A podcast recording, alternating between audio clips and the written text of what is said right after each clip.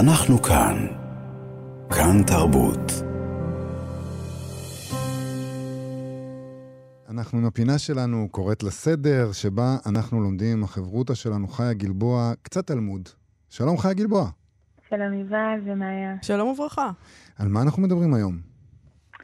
אה, נלמד על המחאה הראשונה במסורת, אה, גם על החוויה של אובדן השוויון, שכתוצאה ממנה מתעוררת מחאה, וגם נסיים ביכולת או בהסכמה להיות בצד הלא מואר של המציאות. אוקיי, אז מה זה המאבק הראשון בהיסטוריה שלנו?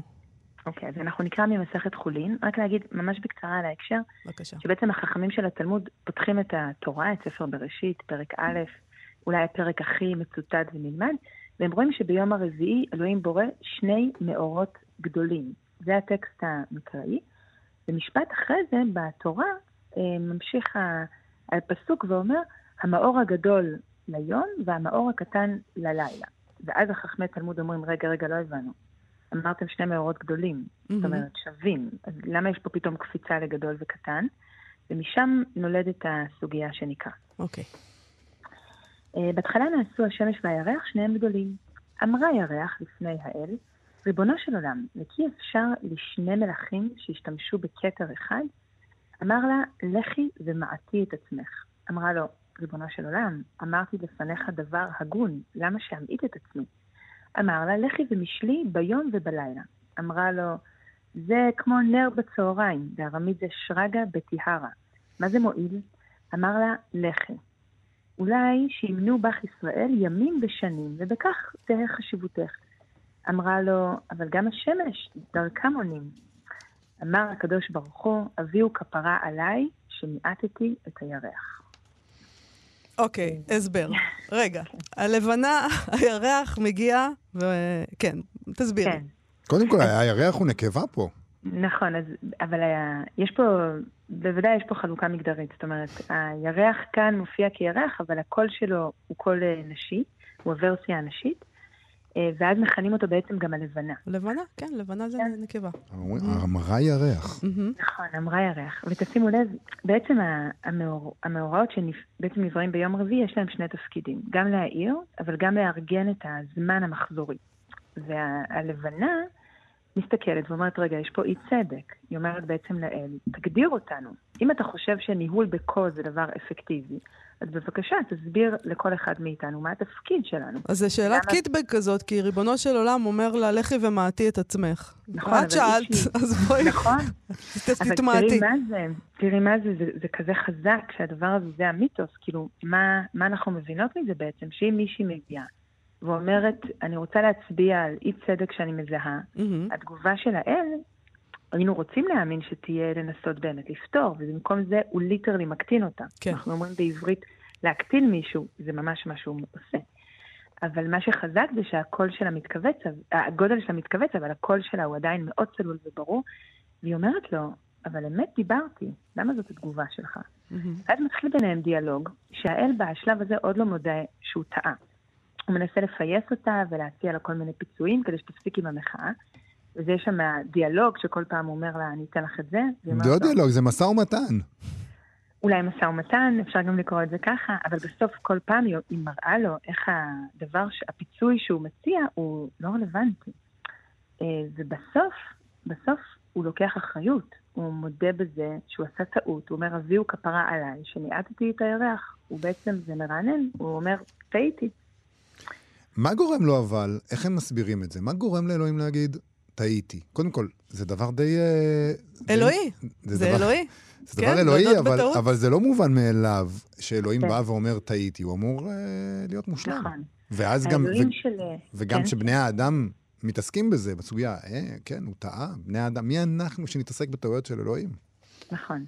יש הבדל מאוד גדול בין האלוהים שבמקרא לבין האלוהים שבתלמוד, או מאוחר יותר אצל המיסטיקאים, בזוהר, או אפילו במדרשים.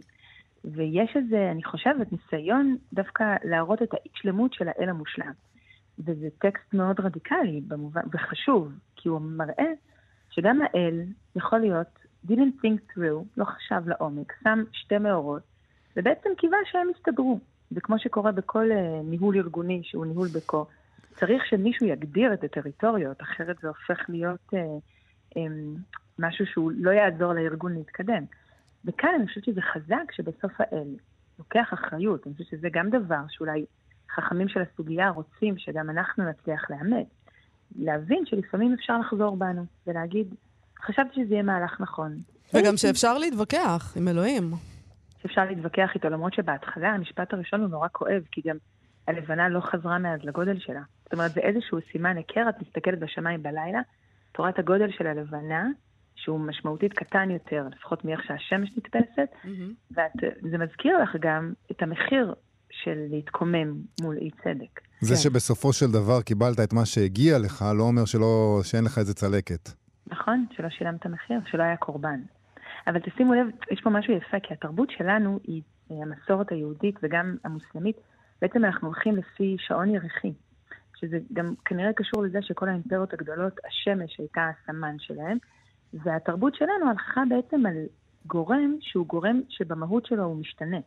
הוא לפעמים זורח והוא לפעמים גורע. ויש הרבה מאוד כתיבה של מדרשים וגם מדרשים זוהרים שמדברים על זה שזה לא סתם, שיש משהו בתרבות שלנו שהיא מוכנה להיות גם בצד הלא מואר של המציאות, או להגיד, אנחנו מקבלים את זה שכשאנחנו נמצאים בצד שבו הירח כמעט ולא מאיר, יש לנו תזכורת שהתנועה היא כלפי האור. אז גם אם היום, ספציפית גם היום, ממש בימים אלה, אנחנו בתחילת חודש, הירח כמעט לא מאיר, ואני מרגישה שזה מאוד בהלימה עם תחושה של הרבה מאיתנו, התחושה הפנימית, אבל יש איזו אופטימיות מסוימת שאומרת, אבל ככל שהזמן מתקדם, האור חוזר.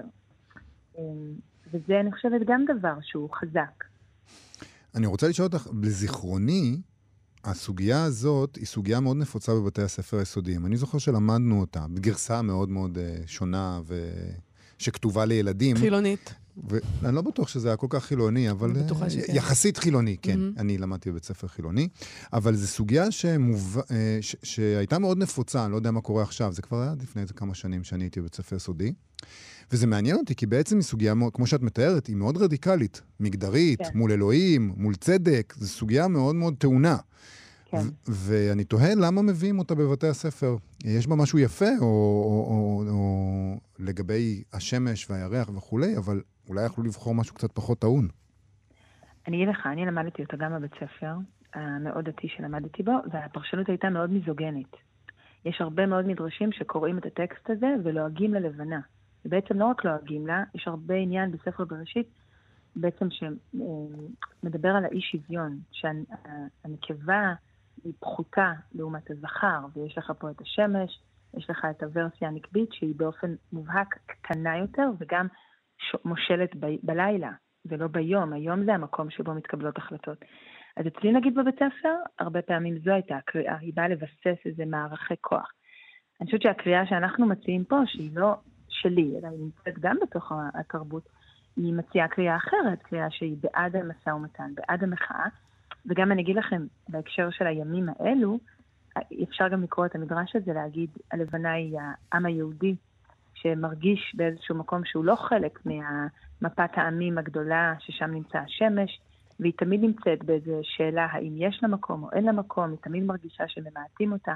זה גם פרשנות שקיימת במיינסטרים המסורתי. Mm. אמ, ואני חושבת שאצלך כנראה לימדו אותה, אני מניחה, בחינוך חילוני, כדי להגיד שגם האל אה, יכול להשתנות, שזה נראה לי האתוס שאולי מנסים לבסס בעולם לא דתי. אני לא בטוח שזה היה ככה, לא? אבל לא, לא יודע. ככה אני תופסת אתכם, אתם באים... אתם, אנשים כמוכם. אני לא בטוח. אה, חיה, אה, הבנתי שהבאת לנו גם שיר לסיום. כן, כן, יש לנו נורא יפה של אלי אליהו, ראיתי אותו לא מעט מסתובב ברשתות, כנראה לא סתם, שהוא ממש מדבר עם הסוגיה הזו. אז נסיים איתו עם תקווה. כן. אז קוראים לו לילה. אה, אנחנו כעת על חציו האפל של הכוכב, ביתי, ואולי בכל זאת, אפשר לומר דבר על העולם. חציו אפל, חציו מואר. כך גם האדם, ביתי. כך גם האדם. אז אה, נגיד שזה שיר של אלי אליהו, אלי אליהו, מתוך איגרת אל הילדים. נכון. חיה גלבוע, תודה רבה לך על הפינה תודה. הזאת. אנחנו כאן. כאן תרבות.